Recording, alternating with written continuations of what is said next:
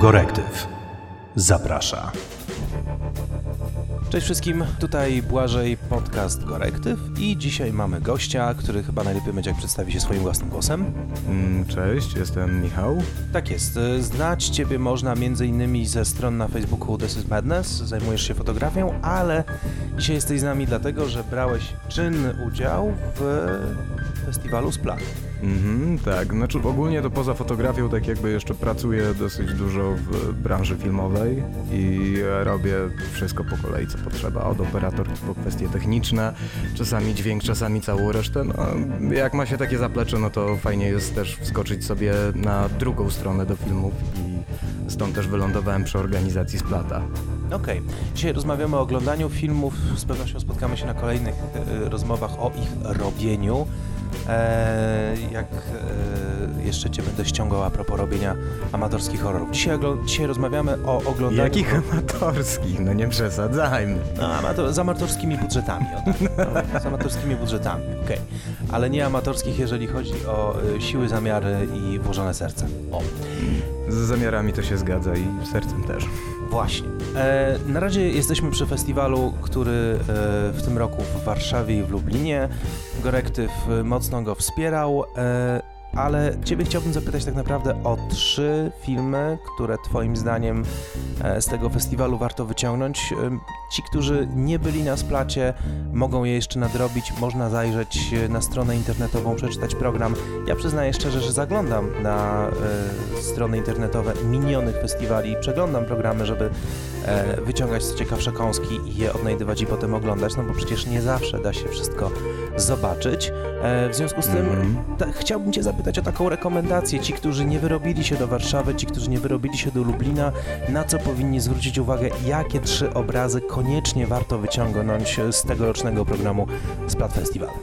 No nie oszukując się, no to tegorocznym hitem był na pewno Color Out of Space, który pobił wszystkie rekordy. Nawet jeżeli ktoś by się mógł wyrobić, no to były szanse na to, że nie dostałby się na salę, bo byłaby pchana po brzegi.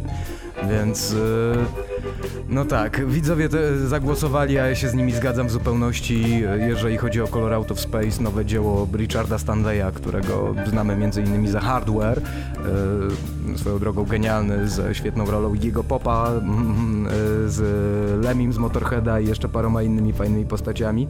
Film, który za czasów w sumie dzieciaka tak pozostawiał kilka złych snów yy, i traum, jeżeli chodzi o postapokalipsę.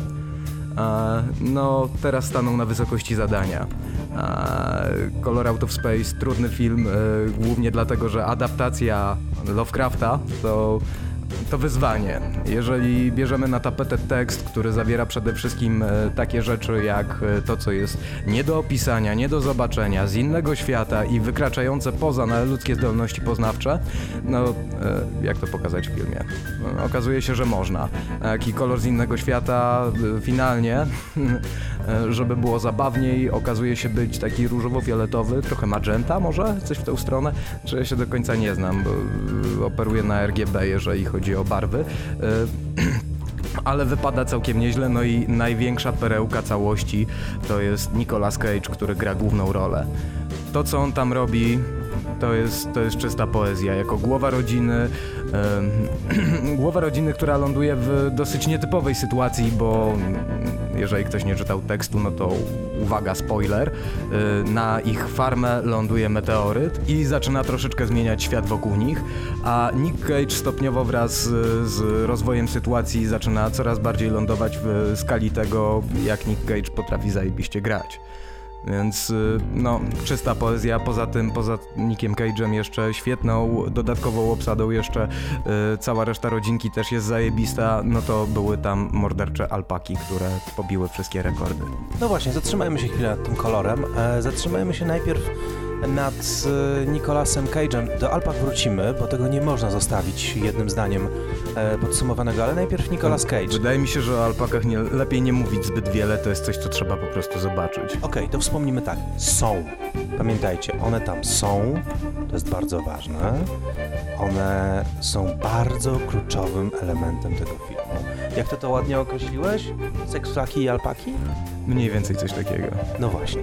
E, ale wróćmy do Nicolasa Cage'a, bo ja mam takie wrażenie, że e, po tym jak zagrał Mandy, który był filmem rzeczywiście bardzo dobrym, moim zdaniem zaskakująco dobrym, pełnym nawiązań, z drugiej strony ciężkim, e, kolorystycznie podobnym do koloru. To jest jakby pewna tendencja, która cały czas się utrzymuje od czasu popularności nurtu synthwave, od czasu Drive Kawińskiego, sukcesu per, e, Perturbatora, e, Daniela Deluxe i e, kilku innych wykonawców w tym stylu. Dostaliśmy kino synthwave'owe, czyli kino przesiąknięte nawiązaniami do lat 80., kino spod znaku koloru neonów, a z drugiej strony kino mocno narkotyczne. Mandy jest e, takim mocno narkotycznym filmem, dla mnie przynajmniej. Oj Ko- tak, to jest, to jest obraz, który no, można w dużym skrócie skwitować jako syntetyzowane w postać filmową narkotyki. I tutaj pojawi, pojawił się Nick e, Gage, e, jak zapowiadano, jego wielki powrót aktorski. E, Autorzy tego filmu wykorzystali coś, z czego do tej pory internet śmiał się przez ostatnie no przynajmniej 15 lat, czyli tendencję Nicolasa Cage'a do nadmiernego odgrywania, do przesadnej mimiki, do overreacting, tak? Okazało się, że można z tego Ale szanujmy tego człowieka, on po Mhm. prostu ma zupełnie inny styl. To, że na chwilę obecną szkoła aktorska jest, szkoła technika aktorska jest taka, że wymaga raczej subtelnych środków, jeżeli chodzi o odgrywanie swoich ról, to nie znaczy, że... e, Ktoś, kto idzie w nurty niemieckiego ekspresjonizmu, yy, no będzie się sprawdzał, ale jeżeli z drugiej strony wyślemy postać z kabinetu doktora Caligari do, po to, żeby zamawiał frytki w McDonaldzie, no to tak, no będzie to wyglądało e, groteskowo. Mam nadzieję, że Nicolas Cage rzeczywiście inspiruje się niemieckim ekspresjonizmem, choć e, trochę obawiam się, że w wypadku e, roli w Ghost Riderze nie do końca. Były, były wypo, ten wypowiedzi i w wywiadach sam mówi, że dokładnie taka jest jego inspiracja. Yy, Zresztą, no nie oszukujmy się, jeżeli to aktor, który został doceniony i przez Akademię, i przez Wernera Herzoga za świetną rolę, chociażby, znaczy do, dobrany do świetnej roli w Złym Poruczniku, yy, no proszę was, no w jaki sposób można mówić, że to zły aktor? No okej, to jest... A E, Ghost Rider? Ghost Rider dwójeczka, to jest Szczególnie za płomienne szczanie z y, tyłu pick-upa. To Okej. jest mistrzowska scena. to, słuchajcie, jako przypis Ghost Rider 2 koniecznie obejrzyjcie. Ja nie oglądałem, ale już wiem, że nadrobię. Jedynka to chłam. Ale wracamy do Nicolasa Cage'a, który rzeczywiście, on ma przecież Living Las Vegas, tak? Już nie mówiąc o wielu innych e, rolach. On naprawdę ma dobre role na koncie, ale potem rzeczywiście stał się symbolem kiepskiego aktorstwa i brania wszystkich ról, co popadnie, żeby zarobić. Przez pewien czas trwał w jakimś takim limbo. E, no i teraz właśnie wraca. Ja się zastanawiam, powiedz mi Michał, bo nie wiem, może przesadzam, ale ja mam wrażenie, że on e, znalazł trochę taką swoją niszę, jak David Hasselhoff, który też przez pewien czas funkcjonował jako pośmiewisko, powiem, potem był w pewnym limbo ze względu na swoją chorobę alkoholową i e, dramatyczny film w internecie opublikowany przez jego córkę i potem nagle Sharknado bang, Kung Fury bang i nagle David Hasselhoff nagrywa płyty, wraca do świata i jest kochany. Czy to jest to samo? Wydaje mi się, że troszeczkę inna perspektywa. No, Mhm. Nick Cage, tak jak mówiłeś, on nie przebiera, jeżeli chodzi o rolę i idzie wszędzie tam, gdzie po prostu zapewnią mu sensowną garzę, plus do tego projekt będzie wystarczająco ciekawy. Mm, Natomiast yy, koniec końców po prostu mam wrażenie, że na chwilę obecną reżyserzy po prostu poznali się na jego specyficznej technice aktorskiej i wykorzystują ją zgodnie z tym. No po prostu perspektywa dobrego castingu i, i tyle. Jeżeli mamy scenariusz napisany pod postać, która będzie wykręcona, dziwna, dzika, chora i będzie mogła sobie pozwalać na takie rzeczy, jak chociażby były na początku Face-Offa y, z tą cudowną sceną łapania za tyłek laski z chóru, y, będąc ubranym w sutannę, no proszę cię, no to tak, no wiemy, że to jest postać, która będzie musiała być dojebana. Czyli to jest tak, że po prostu musiało powrócić konkretne kino, które będzie miało swoje miejsce dla Nicolasa Cage'a. To kino, jak się okazuje, wróciło. Eee, kolor y, z kosmosu dla mnie jest bezpośrednim przedłużeniem Mandy, ale czy to nie jest tak, że nadużywam? Mm, Wydaje mi się, że okej, od strony wizualnej widać te podobieństwa. Czy to będzie bezpośrednie przedłużenie Mandy? Trochę, Fabularnie nie. Mówię, trochę, trochę, trochę nadużycie jak dla mnie, ale czyta się to gdzieś w e, zbliżonych okolicach. Widziałbym to jako jeden dobry, spójny i składny maraton. Czekam teraz tylko na jakąś piękną trzecią część, żeby to zamknąć e, w, w czymś, co będzie równie neonowe i szalone i narkotyczne. Przydałoby się, to prawda. Mm, Chociaż y, o tyle, o ile mm, można by było powiedzieć, że Mandy, tak jak mówiliśmy wcześniej, to skrystalizowane narkotyki, a Mandy miała taki wydźwięk trochę, e, trochę koksu, tro, ten, trochę kwasu. Mniej więcej coś w tę stronę i było to złe, i było to mocne, i było to brutalne. No, dla to- mnie metamfetamina plus heroina, takie ciężkie, takie po prostu rozwalające mózg do jakiegoś błota kompletnego. Muzycznie bym powiedział, że gdzieś w stronę porządnego sladżu. Mhm, mhm. Mm, to to, natomiast y, jeżeli chodzi o, o Color Out of Space, no to tutaj wchodzą już klasyczne, piękne, organiczne rzeczy. Twarde LSD chyba, nie? Plus grzyby. Mm, grzyby bardziej jednak, to w tą stronę może jakaś ayahuasca. A, ayahuasca, tak, rzeczywiście. E, ja z kolei miałem rzeczywiście skojarzenie z, z LSD, a, ale także rzeczywiście grzyby, grzyby, grzyby, grzyby. W ogóle narkotyczne horrory to jest e, dosyć ciekawy temat, osobny, o którym na pewno kiedyś zrobimy podcast. Midsommar ostatni przecież pokazał, jak wiele można za pomocą narkotyków opowiedzieć. E, Okej, czyli kolor z przestworzy jest jakby takim pierwszym e, z przestworzy, z kosmosu. Ja używam jakiegoś archaicznego tłumaczenia. Kolor z kosmosu. To jest e, pierwszy typ, o którym wspomniałeś, którego rzeczywiście nie można przegapić. E, no i spodziewam się, że rzeczywiście e, kto nie oglądał, na pewno nadrobi, bo o tym filmie było głośno i jeszcze, nie, jeszcze z pewnością będzie przez miłośników gatunku odmieniany przez wszystkie przypadki. Numer drugi. Mm, to zostajemy cały czas w neonowym kinie lat 80. i jedziemy tutaj z Blood Machines, które jest. To jest po prostu piękny film. Jeżeli, tak, tak jak mówiłeś wcześniej o tym nurcie synthwave'owym, który się pojawił, który się pięknie rozwija, o perturbatorze, o całej masie innych kapel, no jest człowiek, y, mm, który sygnuje się pseudonimem Carpenter Brut y, i y, Duet twórców pod pseudonimem Seti Kerman stworzył dla niego ten, dla niego klip. Yy, To był klip dokładnie do kawałka Turbo Killer.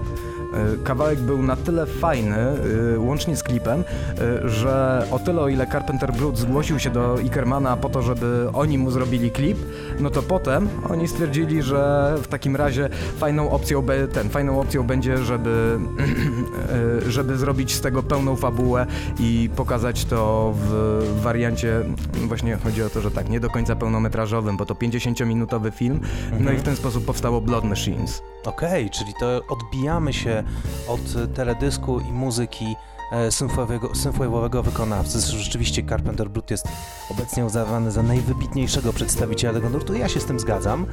E, I nagle okazuje się, odbijamy się od muzyki i robimy film. E, czy ten film jest teledyskiem, czy to jest fabuła, czy to jest zwit? Co to jest? A, to jest. e, Jakby to określić? Może w ten sposób. E, najbliżej by było to porównać z e, nurtem komiksowym z lat 70., takiego porządnego francuskiego science fiction. E, gdzieś e, okolice Drille e, z Lonem Sloanem i ewentualnie Metal Vagrant. To było ten francuski wariant heavy metal. Te czasopisma, które szły w tą stronę, żeby pokazywać science fiction, żeby ono było bombastyczne, wielkie, żeby tam się pojawiały nam, nie wiem, tak jak kojarzycie może grafiki Franka Frazetta albo coś w tym stylu. E, To jest przegięte, przerysowane, nie jest mocno nastawione na fabułę, chociaż ta fabuła, ten, w przypadku Blood Machines tam jest, e, ale przede wszystkim jest to wizualne i to bardzo, bardzo, bardzo mocno, więc Czyli gdzieś... taka potęga wyrazu, tak? To ma być po prostu wielkie, jakby ogromne, przytłaczające, poruszające, no tak jak muzyka heavy metalowa miała być w no, założeniu. No, no, no, coś w tą stronę, tylko że tutaj, prawda, zamiast heavy dostajemy porządny, właśnie mocny synthwave. Zresztą Carpenter Brut popełnił całą ścieżkę dźwiękową do tego tematu, znaczy do tego filmu. A to to. I a co tam jeszcze ciekawego było? No, jeszcze trzecia, trzecia propozycja. Powinieneś mi jakąś trzecią propozycję sprzedać, bo Blood Machines to, mimo tego, że nie widziałem, wpisuję na listę, bo ja jestem oddanym fanem rzeczywiście. A to koniecznie jeszcze. Tych wszystkich syntezatorowych klimatów okrutnie po prostu. No dobra, to trzecia Jeszcze szczególnie, propozycja. że tak jeszcze dodam, bo y, mieliśmy na splacie jako gości właśnie połowę duetu Seti Kerman. Właśnie no jest tak, że y, Seti Kerman to pseudonim y, dwóch twórców, y, z których y, Savitri był u nas i y, miałem, miałem okazję z nim prowadzić Q&A. Y, w ogóle bardzo sympatyczny człowiek i y, zapowiedział, że już skończył materiał do artworków, które będą pod winyl Carpenter Bruta ze ścieżką dźwiękową do filmu. Nice. Więc na dniach, na dniach można się spodziewać. To taki dobry pomysł na spóźniony prezent po gwiazdce, prawda? Albo, no w ogóle generalnie dla miłośników Ja winyli. No właśnie, ja chcę. Ale pewnie będzie swoje kosztował. Trzecia propozycja. Po zeszłym roku, kiedy odwiedzał nas Lloyd Kaufman i mieliśmy cały blok poświęcony Tromie, w tym roku niestety pojawił się tylko jeden film z tej wytwórni filmowej, ale za to jaki? Był Mutant Blast. Realnie na chwilę obecną Troma zaczęła produkować filmy we wszystkich możliwych krajach, które będą chciały ją przyjąć yy, i pozwolą na to, żeby można było na tym zarobić parę złotych. E, dolarów, tak, w ich przypadku, albo ewentualnie, nie wiem, dukatów czy cokolwiek innego akurat obowiązuje w y, krajach byłego bloku wschodniego. E, to to. E, przygotowali pozycję, która jest, y, no to jest troma, to jest, to jest sroga troma. Zaczyna się od y, tajnego laboratorium, z którego uwalnia się mutanto, cyborgo, coś, co przypomina trochę Arnolda Schwarzeneggera, po to, żeby rozwinąć się w dramatyczną i e, romantyczną historię o przyjaźni, rodzinie e, i e, tych podstawowych wartościach, dla których żyjemy. E, no i kończy się walką człowieka delfina z człowiekiem homarem. Oczywiście mają katany, więc jeżeli byście mieli jakieś Ja jestem zachęcony, ewidentnie. Ja jestem ewidentnie zachęcony. Zresztą Lloyd Kaufman e, rok temu, m, jak robiłem z nim wywiad, powiedział, że oni się kierują teraz w stronę tych państw, o których ty wspomniałeś, o państwach byłego bloku wschodniego, bo tam nagle okazało się, że są fani, których oni się nigdy nie spodziewali, że właśnie w tych krajach jest ogromny głód na to kino, na kino niezależne, na kino jak to powiedzieć, no niektórzy mówią złe, ja się nie zgadzam z tym określeniem, na kino alternatywne, no bo to jest naprawdę alternatywa. No tak. Znaczy, Lloyd mówił o jednej bardzo ważnej rzeczy, że w krajach, w których e, nie ma oficjalnej dystrybucji dla filmów Tromy i w których teoretycznie tych filmów e, zobaczyć nie można ani nie można dostać, to tam jest największa fanbaza, jeżeli chodzi o Tromę, bo okazuje się, że e, po prostu przez, przez ten... Mm, Taką od- pocztę pantoflową, tak, przez nie? pocztę, panto, ten, przez pocztę pantoflową właśnie e, przekazują, sobie, ten, przekazują sobie wszyscy coraz, e, coraz to nowsze pozycje, coraz to ciekawsze opcje, jeżeli chodzi o filmy, które, których nie można zobaczyć w normalnym kinie. No trochę jak przez pewien czas tak było w Polsce, no te, teraz mamy łatwiej, bo możemy przez internet zamówić wiele rzeczy, prawda, albo podpiąć się pod e, internetowy serwis Tromy, ale rzeczywiście przez wiele lat było tak, że e, najbardziej zagorzali fani mogli w ogóle usłyszeć o takich rodzajach. O takich no niestety. No ale z drugiej strony cały czas też jest tak, że jeżeli porządnie nie zakasa się rękawów i nie wgrzebie się w te najbardziej brudne i obrzydliwe pielesze internetów, y, to nie znajdzie się tego, co będzie najbardziej wartościowe. Troma, troma to jest też taki trochę szczyt góry lodowej i pod tym wszystkim można znaleźć też naprawdę piękne i cudowne perełki. To prawda. E, Je, jednym ze sposobów wyłapywania takich perełek jest oczywiście chodzenie na festiwale filmowe. A więc jeżeli e, w przyszłym roku będziecie rozplanowywać swoje wizyty na różnych wydarzeniach kulturalnych, wpiszcie festiwale filmowe związane z kinem niezależnym, związane z kinem science fiction, fantasy, związane z kinem grozy. E, jeżeli chodzi o terminy, no to będziecie je znajdywać na stronie Gorektywu. E, wiadomo, że następny splat z pewnością będzie. Ja tymczasem dziękuję Ci, Michał, i słyszymy się w kolejnym odcinku. Jak zwykle życzę Wam smacznego.